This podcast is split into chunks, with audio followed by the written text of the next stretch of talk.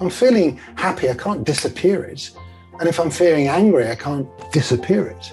The only way I can transform it is to accept it, is to breathe into it and actually feel it. That was Philip Cox Hind, and you're listening to episode 290 of the Building Psychological Strength podcast, where we uncover the information, tools, and techniques to turn our mind into our most valuable asset. The courage to face fears with persistence. Being able to be present enough in this moment to choose my response thoughtfully. We have the strength to bend to life stressors, to bend to adversity without snapping, without breaking. There are only six things that contribute to our quality of life, and they are all experiences. In every moment, we are deciding who we want to be and how we want to live our lives. Noticing what your brain is doing and then being able to make choices mobilize the things that we know lift us up. Hello, hello. Welcome back to the Building Psychological Strength podcast. My name is April and I'm your host. Happy Wednesday, friends. You've made it to the middle of the week. That's exciting. And I'm so glad you're here. I'm absolutely thrilled that you are taking time out of your busy week because wow, do we know that we are all extremely busy these days. Taking time out of your busy week to be here, to learn, and to apply what you're learning in this podcast into your own life so that you can start to see the transformation and the change that is possible if you work on yourself. If you cultivate a set of skills that allows your mind to work in your favor rather than it being a big barrier for you across each and every facet of your life. Thank you for being here. Thank you for choosing yourself. Thank you for taking this time to devote to such an impactful and important set of skills. On that note, before I dive into this week's guest, who is such an incredible expert in it everything that I just mentioned, I want to take a quick pause, say thank you for this incredible review that was recently left on iTunes. It relates so much to what we're going to be talking about today. It says April brings curiosity and clarity to every conversation, which allows her to distill complex psychological constructs into accessible and actionable ideas. Make sure this podcast is part of your regular listening. Thank you, thank you, thank you to the incredible listener who left that review. And in particular, what I loved about the review is this notion of distilling complex constructs or things that can feel a bit vaporous vaporous to us when we when we talk about them. Things like emotional intelligence and cognitive load and decision fatigue and uh, human values and all of that. How do we take those constructs, but then create actionable things that we can do about them, connect them to our daily lives, and how we might take action in a different way and use them to improve our day to day life experience. That is absolutely why I'm here. And I'm so thankful to this listener for pointing that out in that review. So thank you so much. If you haven't yet rated and reviewed the podcast, please head over to iTunes or wherever it is that you listen to podcasts. Drop us a rating and a review. You have no idea how much it means, both to the reach of the podcast. You know, those platforms, they see how many ratings and reviews you get and they push you out to more people the more you get. So I am literally grateful for each and every one that we get. But also, it helps me understand what you're taking away from this podcast so that I can give you more of that. It helps me understand what the podcast has meant to you from your experience. And that's ultimately why I'm here. Okay, let's talk about this week's guest. I it is so thrilling to me when someone out in the world, in the UK in this case, finds the podcast, sees the value in it, and recognizes that their expertise could contribute to what we're all doing here in this community. And that's what happened with this week's guest. So, Philip Cox Hind is this week's guest, and he is an expert behavioral change facilitator. So, what the heck does that mean? Philip has worked with some of the world's biggest companies, companies like Pfizer and Microsoft. We're talking giant companies, in order to help typically high level executives make changes and live and lead in a more effective way. He uses a variety of skills. Some of them came from his time as a facilitator of personal develop large personal development conferences, but also skills that he's taken away from his uh, vipassana meditation practice. We talk in this podcast about specifically happiness versus satisfaction. We have a really deep conversation about that, and you're not going to want to miss the insight there. We also talk about the importance of the way that we listen and ask questions when we're in interpersonal relationships as a method of developing intimacy. Uh, we talk about the importance of mindfulness throughout all of that and really what the cultivation of this set of skills, and by this I mean psych strength. I mean, really, we're talking about very similar things here about how when we cultivate those psych strength skills, specifically our own ability to recognize our emotional landscape throughout the day as it's changing and morphing and responding to our environment, when we cultivate that, we create this ability to have what we refer to in this episode as a psychological pause, some spaciousness, some space between the incoming information, stimuli, context, challenge, adversity, whatever it is that life is handing us, space between that and our response. Space that allows us to pause, to feel like we don't immediately need to react, but to deliberate and to think about what the intentional action that we want to take is. Even in some of the most difficult circumstances, being able to tolerate, being in an uncomfortable situation, pause and determine how you want to move forward. It's such a powerful conversation. I'm absolutely thrilled that Philip reached out, and I know that you're going to come out of this conversation with some practical tips for how you can develop this set of skills for yourself and apply it to a number of facets of your life. So please enjoy this conversation with Philip Cox Hind. Philip, I am so excited to have you here today because we're going to be talking about a topic or a set of topics, I believe, that I know are going to benefit this audience greatly. And I know that you have some incredible expertise behind. So thank you so much for being here. Thank you very much. It's a real pleasure. We're actually speaking to each other at very in very different contexts. I'm sitting here at uh, what is it, one o'clock in the afternoon, bright sunny day in Minneapolis, Minnesota, and you are where? About 40 miles west of London in the UK, and it's quarter past seven after a lovely warm summer day. Yeah. Nice. Well, good evening. Good day to me. And here we are. Uh, I'm really excited to dive in because when you reached out about being on the podcast, I was immediately struck by the concrete usefulness of the work that you do. I mean, you focus on some things that can sometimes feel very conceptual and almost out of touch with how we would apply them to our lives. But I love the way that you frame up your work because I could immediately see how it would be applicable to this audience. So I'm excited to dive in. Um, but before we do that, can you tell us just a little bit about you? Because your professional background is really interesting and the way that you have really gotten this work across the globe to different companies et cetera. It's just it's really exciting. So can you give us a little bit of a tour of your of your background? Sure. Um, i left school at 15 with no qualifications. I'm dyslexic. It was just about understood what dyslexia was in those days. I'm nearly 65 now so it gives some context of, of when i left school. And um, i was always fascinated in people even when i was a kid so I tried a few dead end jobs and then went for the profession I really wanted, which is to be an actor. So I went to drama college for three years and I was a professional actor, mainly film and television for about 10, 11 years. It didn't really feel right. It felt like mm. I was mm. partly in those days in for the fame and, and the fortune, which didn't really happen.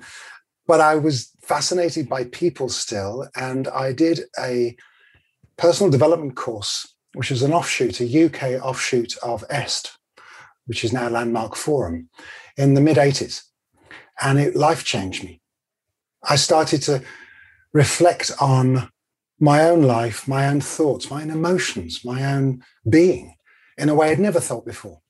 And the word that really stuck with me, which was the central tenet of that work, was responsibility. And they mm. phrased it in the terms of you are able to respond to your life. Mm. Responsibility. And I made friends with one of the facilitators for the six months afterwards. And she said, You're really interested in this stuff, aren't you? And I said, Yeah. She said, Well, leave acting, join us, and we'll train you. Interesting. So I became one of only three facilitators to lead this particular workshop, which was five days long over a Friday and two weekends. And I stayed for a couple of years. I left. I worked with some fascinating people. I worked with a guy called John Grinder, who formulated NLP uh, with his partner Richard Bandler neuro linguistic programming, for those who haven't heard that acronym. Um, did work with him, did work with various other people, and eventually for my own seminar, which I ran to the public for three or four years. And that seminar was all about the personal understanding I'd picked up on, but also interpersonal communication.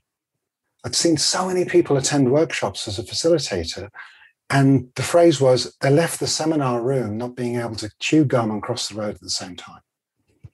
Mm-hmm. What's the mm-hmm. practical application of this stuff? A hundred percent. And it was through that course called the Communication Seminar to the Public that a couple of delegates uh, came up to me afterwards and said, This has been fantastic for me to learn about myself, but also interpersonal communication. Have you ever thought of taking it into business? This would be brilliant to my company. Well, he was this ex actor in his early 30s, didn't, didn't own a suit. so, mm-hmm. um, and so I was introduced to a, a, computer company, and the CEO of that company introduced me to the VP of a little software company in the UK called Microsoft. So I nice. worked with them for 18 months in the 90s. no big deal. No big deal. And then I got referred to companies like Pfizer. I was the lead consultant on the Viagra project, for instance, which was fascinating for all kinds of reasons. But what I learned there was, again, practical application. Yeah. How could I take the esoteric, some would say, the kind of jargonistic stuff about self discovery and apply it to a business. Right. And that's what I really learned. And I've been working both with companies and with individuals on that very topic of self understanding and practical application. I love it.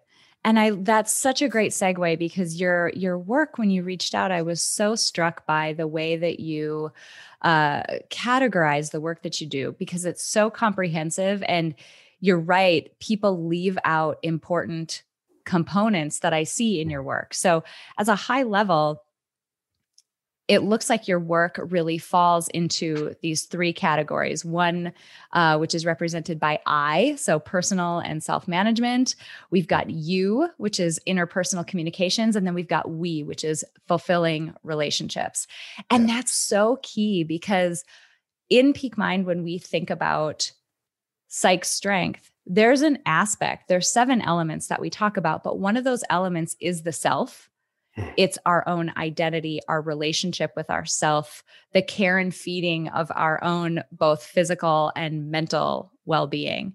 Yeah. But relationships are a huge part of it because fostering close relationships and being able to be solidly in relationship with other people, we know what a big component of mental well being that is. And I love that that is part of your work.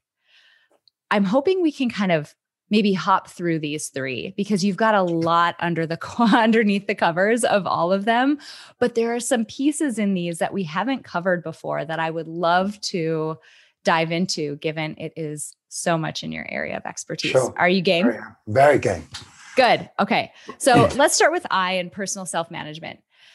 You have a unique perspective on happiness we mm. all talk about being wanting to be happy as though that is the end all be all goal of our lives, but you contrast health, happiness with satisfaction. Can you talk a little bit about that? Yeah. I actually quote the woman I learned to facilitate from back in the, the 80s. She used to do a great thing when she was talking about the contrasts of life. And she was quite dramatic. She went up to somebody on the front row and held her hand out and moved her hand closer and closer and closer to the person sitting on the front row until they couldn't see anything other than her hand. And she kept saying, What do you see? Well, I see the hand and I see the room and I see your face. And the closer she got, the person said, Well, I can't see your face anymore, but I can see the room and I can see your hand. And then eventually, when her hand was right in front of her, she said, What can you see? I can only see hand. Mm. I said, Would you, she said, Would you know it was hand if that's all you'd ever known? Mm. And we only know happiness because it's contrasted with pain and upset and anger and frustration and all of the other things that are part of being human. Mm-hmm. And so I know that when I am attempting something that might be difficult, I mean, before I, I've, I've been interviewed lots of times, I always feel a mixture of, I call it N and E, nervous and excited. Nice. Because my body is going into, want to perform, want, want to be real, want to, want to be true, want, want to do a good job. You know, my little voice inside my head's purring away there. And do I feel happy? Ah, it's a strange term. I feel alive. Yeah. And if I do a good job and it feels as though we've created something worthwhile, I will feel satisfied. But along the route to get to an end point, to be satisfied in a relationship, satisfied with a piece of work, uh, satisfied with decorating a room, I will go through a whole range of emotions in order to get there. So for me, I'm not against happiness. I love feeling happy. It's wonderful. Um, I'm a Vipassana meditator. I've been doing uh, that meditation for, for 20 odd years. And um, at the end of each, every session, the, the, teacher always says, May all beings be happy. Mm. And for me, happiness is, is content with whatever I feel being mm-hmm. satisfied with pain to an extent, because the dynamics of emotion. Uh, I don't know if you want me to go into this depth, but I'm, I'm just kind of feeling I'm going to. I love it. Yeah, so, let's do it. so, when I think back to my poor schooling, but I do remember some basics of physics, uh, Newton um, famously said uh, the three things about energy and the way that we understand energy. So, one is you can't disappear energy, you can only transform it from one state to another. Right. So why am I mentioning energy like electricity or gravity or whatever? Because the same dynamic, if we think about it, applies to emotion. I'm feeling happy, I can't disappear it. And if I'm feeling angry, I can't disappear it. The only way I can transform it is to accept it, is to breathe into it and actually feel it. There's so mm-hmm. much rubbish. I was going to use a stronger word, but we've been recorded. So much rubbish talked about um, feeling enlightened and feeling feeling great, and yeah, but that isn't the goal. The goal is to feel comfortable, at peace, happy if you like, satisfied with whatever I'm feeling. That and equanimity. when I allow, yeah. yeah, when I allow the emotion to go through me, it exits quicker. And the other dynamic uh, if people are wondering, what are the other two? Well, one is whatever you resist persists with equal and opposite force. So the amount of energy it takes for me to suppress being angry is equal and opposite to the anger. It's tiring as hell. Yes. um, and the third one, energy will take the path of least resistance. So if I if I attempt to block what I'm feeling, it'll come out some other way. Now, that might be something I'm just prepared to, to, to, sit with. That might be my way of dealing with it. But it doesn't really work when you come to, to contact with, with you, as in interpersonal communication, or we, as in relationships, because if I can't tell the emotional truth to someone I'm talking to or someone in a relationship with, then I've got big problems. Yeah. So it's learning ways to feel comfortable with the discomfort of emotional roller coasters, which might lead to a form of happiness in that I feel peaceful and content on a good day with whatever I'm feeling. So that's my distinction between happiness and satisfaction. I love that so much. And there's so much backing for everything you've said around uh, the difference between accepting the emotional state that we have, which is just acknowledging what it is. We're not saying Yeah. we like it. We're not saying we want more of it, especially in the case of pain or discomfort of some sort. Mm. But being able to acknowledge that it's there in a non judgmental way without fighting against it and trying to ignore or repress or wrestle with it is such a more effective way of moving through, especially a difficult emotion and making sure and this is the key for folks listening to this your your second point about uh, an equal and opposite force you know against that anger against that sadness that guilt whatever it is. We find that in amazingly corroborated research in psychology that the more we push against those negative feelings over the long term the stronger they become. Yeah. but if we can sit with them as you're mm. suggesting and be more mm. accepting, learn ways to be with them without being taken by them, and mm. there's a whole slew of things around around that, we in the long run can develop a more peaceful relationship with our emotions. And I just love that distinction you made. We can. And I think the other thing that is really important for me, me to say, because I'm dyslexic, because I don't, I don't read very much. I mean, I've written two books, amazingly, but I, I dictated them because I don't, don't read. I use a book consultant to help me structure it all. But the key for me isn't about intellectually learning that, because what I've just said, Yes. a lot of people go, yeah, I get that. And then they leave the room and they stub their foot and then they blame the door Mhm. because that's human nature. So the, th- the thing I'm, I'm very big on is to to learn disciplines, to learn. To, so discipline comes from the, from the word disciple, which is to follow, which is to follow. You know, I've been into fitness and, and ultra running and all kinds of crazy things most of my life, and I've never looked forward to putting my running shoes on Never. But I know that unless I follow a discipline of a training and repeat it, repeat it, repeat it, you don't go to a gym for 10 days and say, I want to get really fit. And at the end of it, you leave and you go, Great, I'm fit now. And you never go back to the gym. Good to go. Good to go. Um, and so the discipline of training your mind to deal with a level of discomfort, emotional discomfort, and, and learning the discernment between discomfort that's trying to tell me something useful and emotion that's just part of my defense mechanism.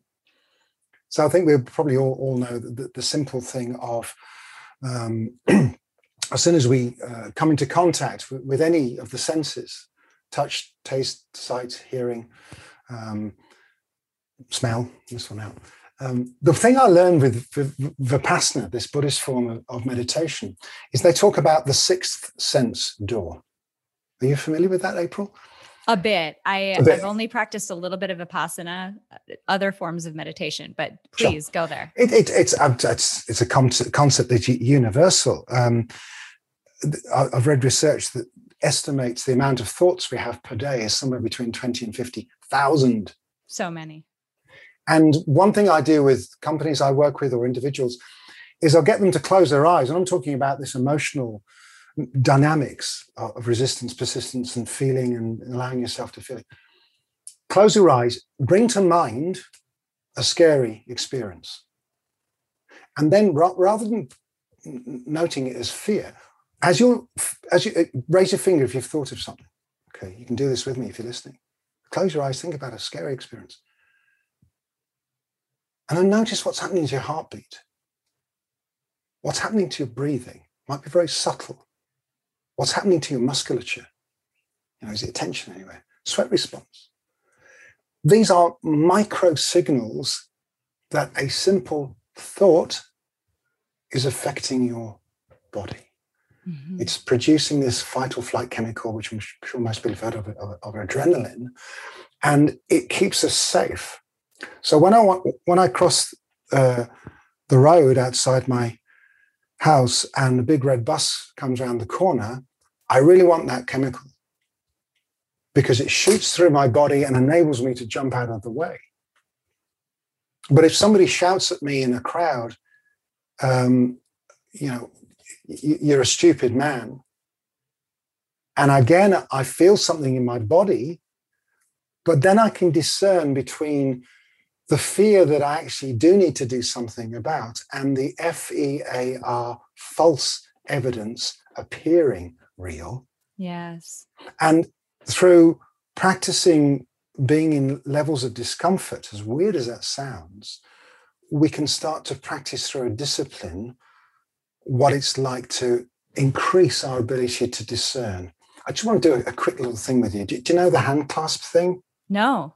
Oh, right. So if you're listening, just clasp your hands together. Whatever, whatever way you do, interlock your finger, fingers.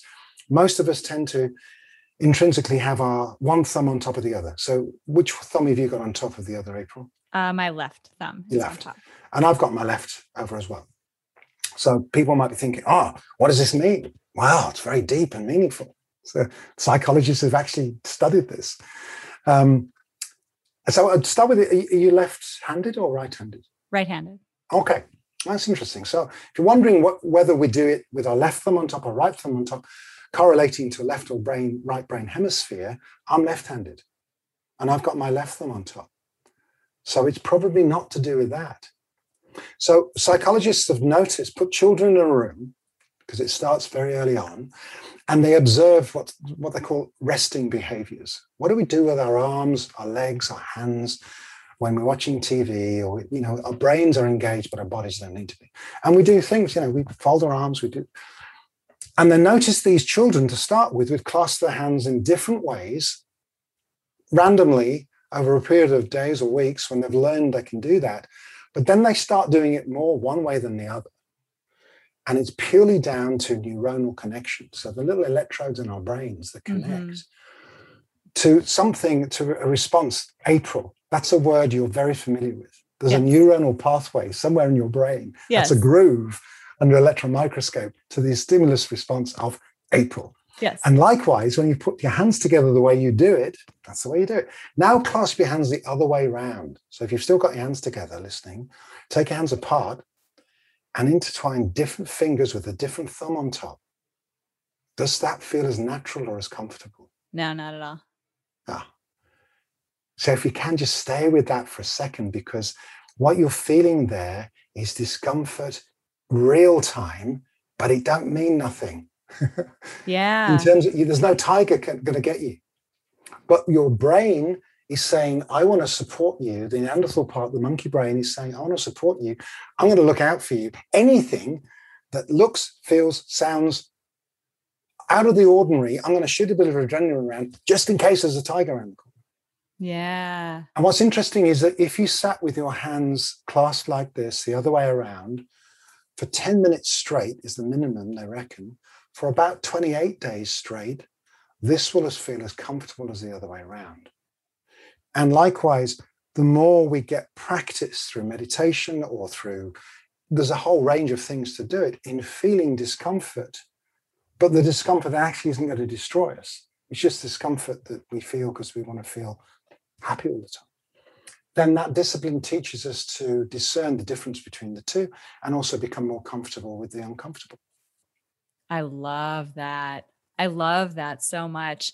It's that's one of the skills that I think I learned first as I was on this this journey of of applying everything that I learned in graduate school and in the field to my own mm. life is this notion of oh my gosh our quote unquote comfort zone yeah. meaning the stuff that we're just accustomed to doing versus the stuff we're not it can move yeah. we can impact the barriers of it and Absolutely. I love that you started with something that seems so small, right? If just clasping your hands in the opposite way is enough to register a response in your mind that says, wait, that's not right. Imagine yeah. how something slightly more material or something yeah. increasingly more material registers. Yeah. We notice the most subtle of things. So it's not surprising that these large changes, like the year we've all been through with COVID or Absolutely. major changes in our jobs or relationships, register these huge waves in terms of how we're feeling and how we're interacting with the world. Uh, completely. When I mentioned the word responsibility, ability to respond earlier. And I think it's important that we give ourselves a break and understanding the kind of sequence that leads up to being able to respond. Yeah. And the first part of that sequence for me is I am a reactive creature. I am reactive. You know, you push me, I want to push you back. That's my Yes. reaction. Yes. I can be in as lightened as hell. But if I'm not in a good good mood or a good place, I'm going to be reactive. yeah. But then the next point is I do have reflective consciousness. I can I can notice my reaction. And then I can respond. Then I can probably do something different. Um, I was a bit short because I was a bit tired and uh, there was a pushback on the on the radio from the government. The, the lockdown restrictions we're having here weren't going to be eased when we thought they were. So there's a bunch of stuff, and I hadn't slept that well that night, and blah blah blah blah blah. And I went to my coffee house in town just a couple of weeks ago, and a guy was asked me to step outside when it was raining, and I've been vaccinated, and I've got a card to say I've been vaccinated, and there's no one else in the cafe. Mm. And I, I just said, "Oh, that's a bit, that's a bit silly, isn't it?" A real tone in my voice. And um, he said, "Well, those are the rules." So I, I was, I felt very righteous, and I got my coffee and I walked back. And then the more I reflected on it, it didn't take me that long. So that that didn't feel right. He was only doing his job. And what's it Mhm. like to be a barista? What's it like to have a mask on 10 hours a day? So I thought, okay, Philip, you've reflected on it. What can you do about it? Where's your ability to respond? So I went back and said, I want to offer you something. He said, What? He looked at me a bit askant. You know, what, what's this crazy guy come back? Yeah, with?" right. I said, I want to offer you an apology if you're prepared to hear it. And he said, Yeah. And, he, and he, his eyes glistened. He said, Thank you. You've, you've made my day. So That's awesome. It, it's not, you know, it's not clever. We all do stuff that sometimes we think about afterwards. We could have done it better. We could have done different, done it differently. And and it's not about getting it right. I remember creating a, a leadership development program for Pfizer, for, for the leadership team at, at Pfizer. And I, I was delivering this over many, many months to, to the top people in Pfizer UK. And um, I'd always meet with the delegates in advance. They're going to give up three or four days of their time, get a chance to meet. And I, I always feel that it's important as a facilitator for me to self disclose proportionately to the people I'm working with, but to let them know a little bit about me. And uh, I'd not long been going through a divorce, the only divorce. And this guy very astutely said, Hang on a moment, you're going to teach us about leadership and interpersonal communication, and you've got a failed marriage. Mm. And I, I took a breath. I didn't react actually that much. I reflected pretty quickly and I said, actually, my experience, communication and relationships isn't about getting it right. It's about what we have the courage to recognize and do when we get it wrong. That's good. And it sounds a bit trite, but I think it is true. Uh, You know, there's nowhere else to go if if we can't do that. And that's why I feel that, you know, the techniques for living, which is the name of the, the program. That if anyone wants to hear me, uh, it- we'll say it more at the end of the podcast. But I came up with the title "Techniques for Living" because for me, it's about living, right? you know, living a full life. But there are techniques. Yes. Um, they don't have to be um, dehumanized, but learning the thing with the hand, crossing our hands, being discerning about our emotions, um, listening to our, going through that process of breathing, heart rate, musculature, sweat response every time I have an emotion, Get into that habit, you'll hit on the real emotion far more accurately. Yeah. Because sometimes I think I'm angry when actually I'm scared or I'm frightened. And unless I go to my my body never lies. You know, my body never lies. And so being able to uh, learn certain techniques to become more discerning as an individual puts me in a much better place when I want to start communication with, with somebody else, interacting. Yeah, I love that. And that's actually where I wanted to go because you you do so much around interpersonal communication and about how we can be a more effective communicator particularly when we have to say something that's more difficult to Yeah. another person.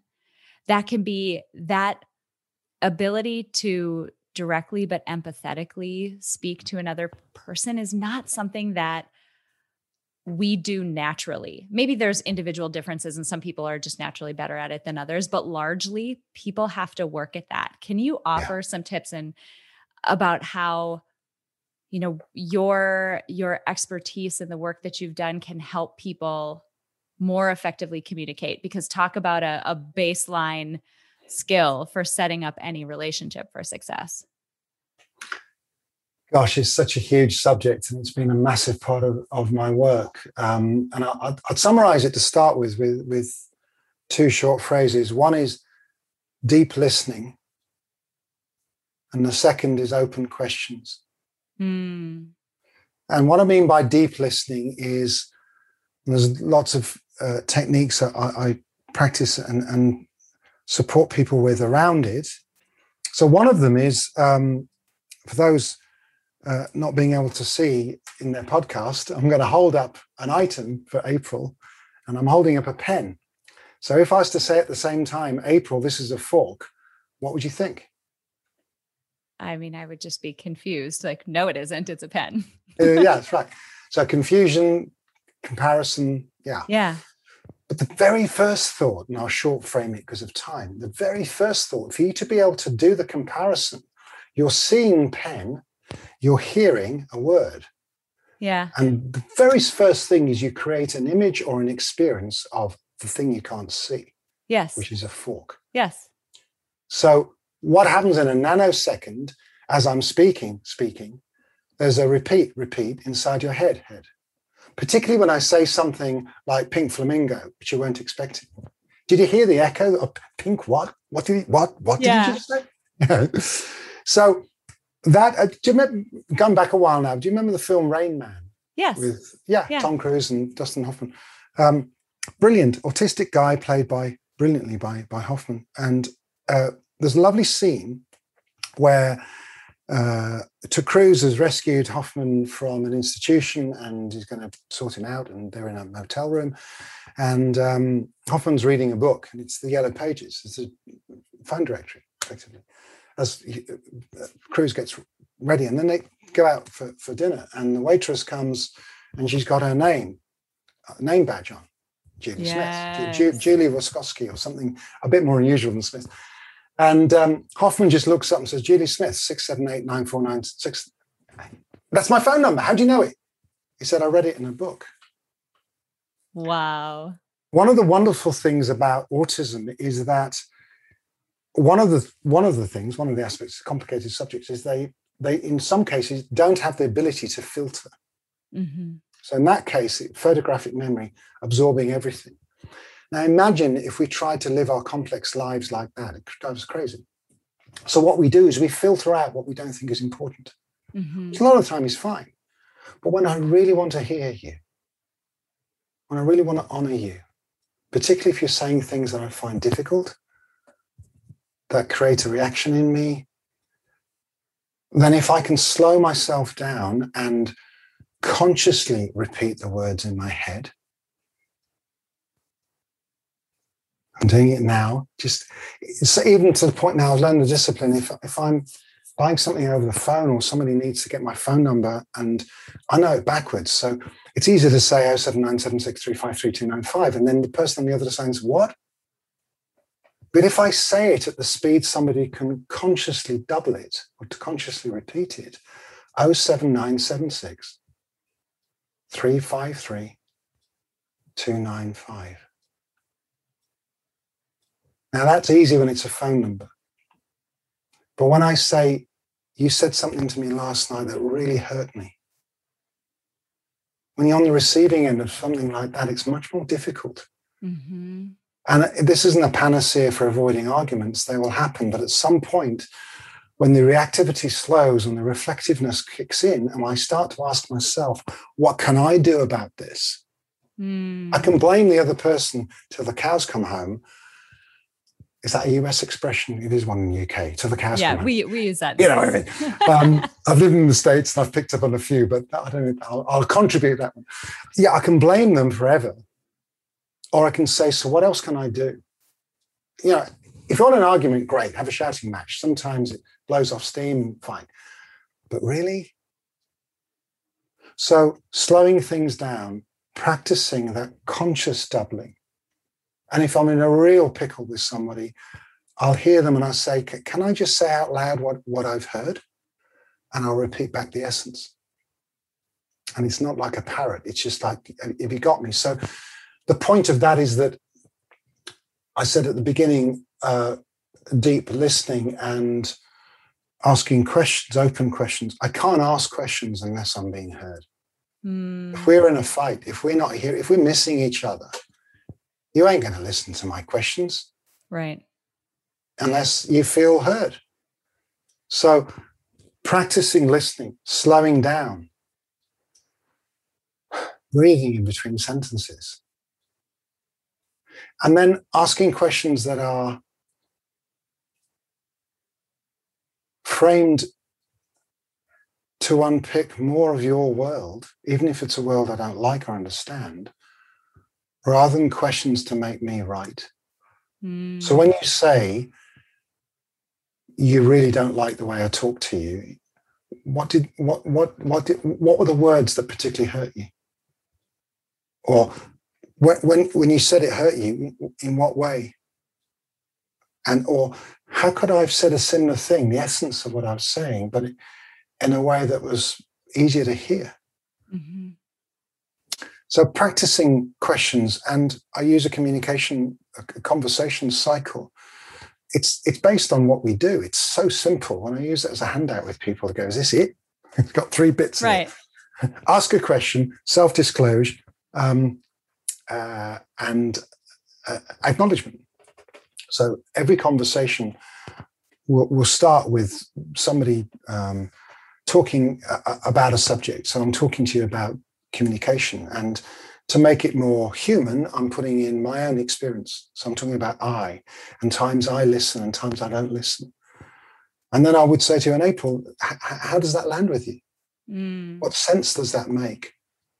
And I'll avoid things like you understand it because that's yes or no. And I don't know what you're saying yes or no to. So opening, asking open questions, and then you'll come back with what you want to say, and then I'll, then I'll acknowledge that. And if it's really important, I may even say it back to you. Mm-hmm. And then I might say, well, actually, that leads me onto something else. And then I talk a bit. And you get this th- three part conversational cycle, which is if you go into a bar, a restaurant, overhear conversations that are just flowing, this is what we do. This yes. is what humans do. Yes. We say something. When it flows, we say something. We end with a question. They say something and respond. We acknowledge them. And we say something else. Yeah. And when a communication isn't working, it will be down to one of those three either being missed out or being massively disproportionate to the others. Oh, so if I'm ah, just saying sense. question, if I said to April, "Do you understand that?" and you say, play with me. So yeah, that makes sense. Yes. And what do you think of the listening thing? You know, consciously doubling. Does that make sense? It does make sense. Yes. Yeah. And can you see how you could apply? You see what I'm doing? Yeah. I'm just asking yeah. you questions. Yep. But and point pretty, by point. Yeah. Pretty soon it's going to feel like an interrogation. Mm-hmm. And equally, if I just acknowledge you and say, Yes, April, I love that point. And when you said this and you said that, yeah, yeah, that's great and then I didn't say anything else. That would feel weird too. Right. Or, yeah. or if I just talked about me and yourself, the next point and the next point, the next point, the next point. So to get a conversation balanced, it's making conscious that which we naturally do and it goes well uh, between asking open questions, really listening and acknowledging what we've heard, and then talking about a next point, but from a, an I perspective. It's really interesting because if I go back over a lot of what we've talked about, it really hits on this concept that we talk about in peak mind called the gap it's you know life circumstances or or other people or situations they they happen yeah. and we take that in yeah we enter the gap which is where our mind our interpretation our filter all of that is applied before our behavior happens. Yeah. Yeah. And that behavior, without doing a lot of the things that you're talking about, without building psych strength in the way that we talk about, that gap can be almost entirely filled with your mind's reactive tendencies, thoughts, emotions, interpretations of those, the Yeah. urges it creates, and our behavior becomes so much more reactive. Yeah. What you've hit on throughout this conversation that's so powerful that I don't want people to miss is a way to widen that gap, to mm. slow down your urge to either respond, to form a conclusion, to create certainty, Yes. and allow yourself to take in more information and be a bit more deliberate. It's that psychological pause, the space that gets created, the lack of urgency. And we're not talking about you're going to sit there for 10 minutes stone cold quiet in a conversation and make it awkward, but it can be a matter of a second Yeah. of a pause Yeah. that psychologically feels like enough space Yeah. to respond in a way that's more effective. And I And just, the- I love it. I love it. Thank you. Thank you. I was just going to say that the those two uh, examples that we've started on with with I, self awareness of body and emotions, and then practical listening and conversational skills. When I started started to learn that those two, it felt like I was suddenly juggling. Mm, I mean, I've got to consciously listen and ask open questions, not closed ones, and get the pace of the conversation equal between question asking, self disclosure, and acknowledgement, whilst being aware of my breathing and my, and my skeletal muscular construct. Yeah. Yes. but when I've talked to jugglers and I can't juggle, or I haven't yet learned to put it that way, I talked to a guy in the street uh, in our little market square a couple of years ago who was juggling with fire sticks. And I said, How do you do that?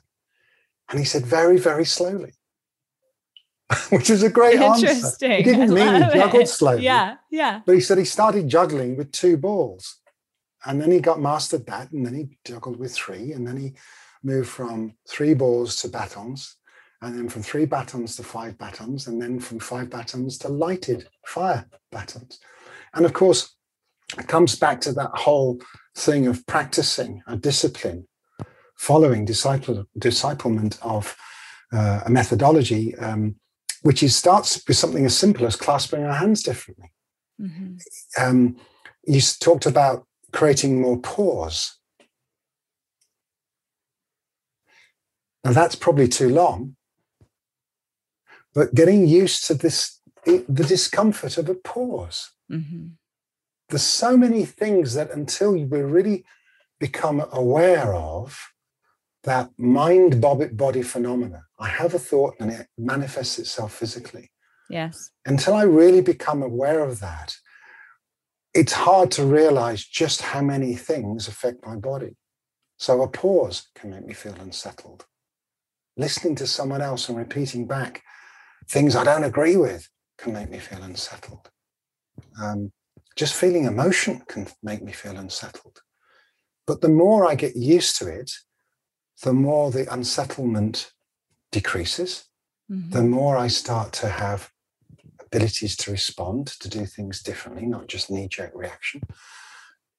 And then it, it, it- I become more of the master of it rather than it mastering me.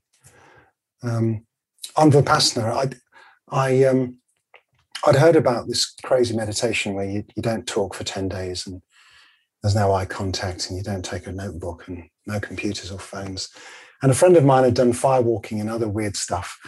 Um, told me about it, and I said, "That's ridiculous. Sounds crazy." And she gave me a flyer on it. This is long before the internet, and I kept this flyer. I couldn't throw it away, so I put it in my filing tray. And every year I clear it out and I put stuff in the trash or I'd file it away. I didn't know what to do with it. Couldn't file it. Anyway, eight years go past. Came through a divorce. Decided I was going to do it, and uh, and I've done ten of them now. Ten. Wow. 10 days over the, over the last 20 years. And the thing that I, and I, every time I go, there's a dissertation at the end of the 10 day, 10 hours of, you meditate for 10 hours a day with breaks, and then there's a dissertation on video at the end. And um, the, the, the guy that taught, brought to the West, a guy called Goenka, he died a few years ago now, talks a lot about the mind body phenomena. And I did a, an advanced course uh, a couple of years ago. The only difference is that you get a copy of the sutta that describes Vipassana. Vipassana means to see things as they really are. That's all it means. And it was half of it was in Pali and half of it was English. So there's only 40 pages of scripts, 80 altogether with the translations. When it came to mind body phenomena, it wrote it in the English as mind dash body phenomena. And I thought, that's interesting. So I, not reading Pali, not knowing how to pronounce, I had a word with the teacher at one point. I said, I'm just fascinated in the sutta. He talks about mind body phenomena. He said, Oh, yeah, because in Pali, there's only one word. They're synonymous.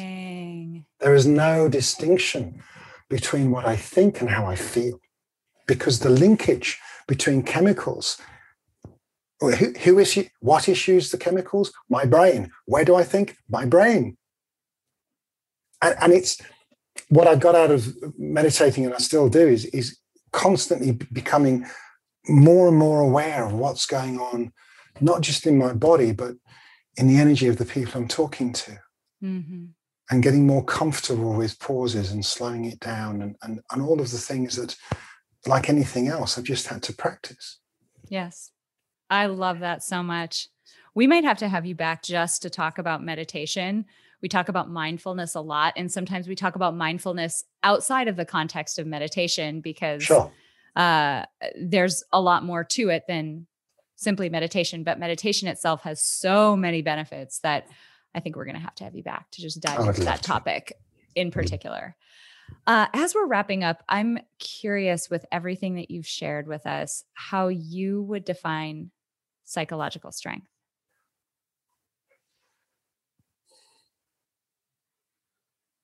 the word that the, the single word that comes to mind, which I've mentioned a couple of times, is discernment. Discernment. So my psychological strength is my my ability, which hopefully will always increase until I die, to discern between what's real and what isn't. Because so much, everything I feel is real on one level. But going back to the acronym of false evidence appearing real, if I'm terrified of looking stupid, if I'm really, really angry because a lover has left me, those are real feelings. But will they kill me physically? Will I spontaneously combust? Will I get a broken leg because of it directly? No. And so I think psychological strength and another word that's become very popular in the last year with the pandemic is resilience. I've been asked to do so many workshops on emotional resilience. And a lot of people are asking me to come up with, you know, how do I avoid, how do I avoid feeling stressed? How do I avoid feeling down? How do I avoid feeling lonely? And um, sometimes I'll playfully say, what, what, do you want to avoid it for? And secondly, I, I don't know how to do that. So I think psychological strength comes from that set of muscles, really, uh, relating it to, to our physical strength, going back to the gym or running. You know, we only get strong by practicing with a discipline. And I think practicing the discernment of what am I feeling right now? If I can check in with myself five times a day with just stop myself. Sometimes I've said to people, set five alarms on your phone and if it goes off, if you know, if you have to do it a bit, a few minutes later because you're in the middle of a call or you're doing, but just as a reminder, at that point, when you've got the time to do it, as close to that uh, alarm as possible, close your eyes and just go, what, what's happening right now? What's happening to my breathing? What's happening to my heart rate? What's happening to my musculature? What's happening to my response? And what does it, what emotion do those physical symptoms add up to? What am I feeling right now? And the next thing is, and will I give myself permission to feel it, mm. not avoid it? And I think the discernment of working out what's real, what isn't in that context, and practicing the discipline of going with it. There's so much stuff talked about. Go with the flow, feel it anyway. I mean, you know, Nike did well with feel the pain and do it anyway. Well, that's that's Buddhism in a phrase. Totally. to an extent. Yep but it's it's so easy to say these uh, sound bites. Um, there's no easy way around absorbing them unless we practice them. I totally agree. I could not agree more. Where can people find out more about you, about your program, about everything that you have to offer? Where can we find you online? So, if uh, you look at my site, uh, techniques for living, one word, dot com, or follow me on Instagram, techniques for living, um, then you'll find out more about the programs that we're developing, which we're going to produce a whole suite of courses uh, on all of the components of I, all of the components of you, and the commandments of we, which ran out of time because I probably talked too much. That's okay. I was too excited about what you were saying, so I didn't great. want to get you so, up. no, it's lovely. Te- thank you. So techniquesforliving.com. And if you wanted to, to read more about the stuff I've put in my book, uh, Mindfulness and the Art of Change by Choice, it's on Amazon. Amazing. I'll make sure we link up to both of those links in the show or in your show notes page and in this episode description. So if you're listening to this right now, you're interested in learning more, you should be able to just swipe up on whatever device you're on, click on those links and learn more. Philip, this has been fantastic. I feel like you have summed up some of the most foundational skills that we want people to have that ripple over into literally every area of their life. If we can apply these practices, these disciplines that you've talked about in every area of our life, it fundamentally changes our experience. And so I appreciate you being with us today for sharing your expertise and helping us apply what can feel very conceptual to realistic situations that we all experience. So thank you so much. It's been a real pleasure. It's a simple fact that nearly everyone in the world could benefit from building psychological strength, but not everyone will put in the time and effort to do so. But today you did. Thank you so much for listening to this episode of Building Psychological Strength. Now, if you're interested in building the mental toughness, confidence, and resilience you need to thrive through life's ups and downs, visit us at www.peakmindpsychology.com. Also, if there's someone in your life who could benefit from this episode, please share it with them. And if you yourself found this episode valuable, meaning if you took away even one insight that you can use to build psychological strength in your own life, we would so appreciate it if you would drop us a rating and a review on iTunes. The thing is, the more ratings and reviews we have, the easier it is to get this powerful and important content out to the people who need to hear it.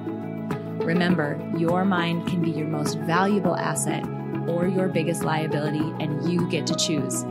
So choose wisely, my friend. And I'll see you next time on Building Psychological Strength.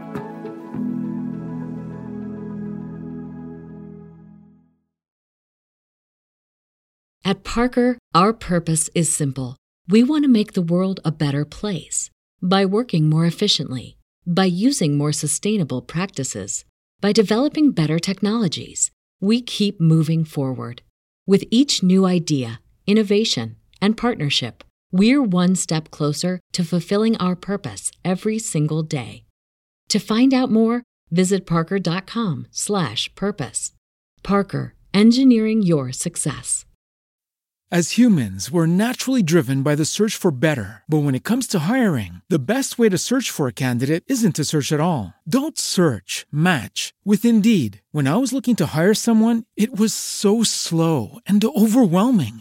I wish I had used Indeed. If you need to hire, you need Indeed. Indeed is your matching and hiring platform with over 350 million global monthly visitors, according to Indeed data, and a matching engine that helps you find quality candidates fast. Ditch the busy work. Use Indeed for scheduling, screening, and messaging so you can connect with candidates faster. And Indeed doesn't just help you hire faster. 93% of employers agree Indeed delivers the highest quality matches compared to other job sites, according to a recent Indeed survey. And listeners of this show will get a $75 sponsored job credit to get your jobs more visibility at Indeed.com slash podcast. That's Indeed.com slash podcast. Terms and conditions apply.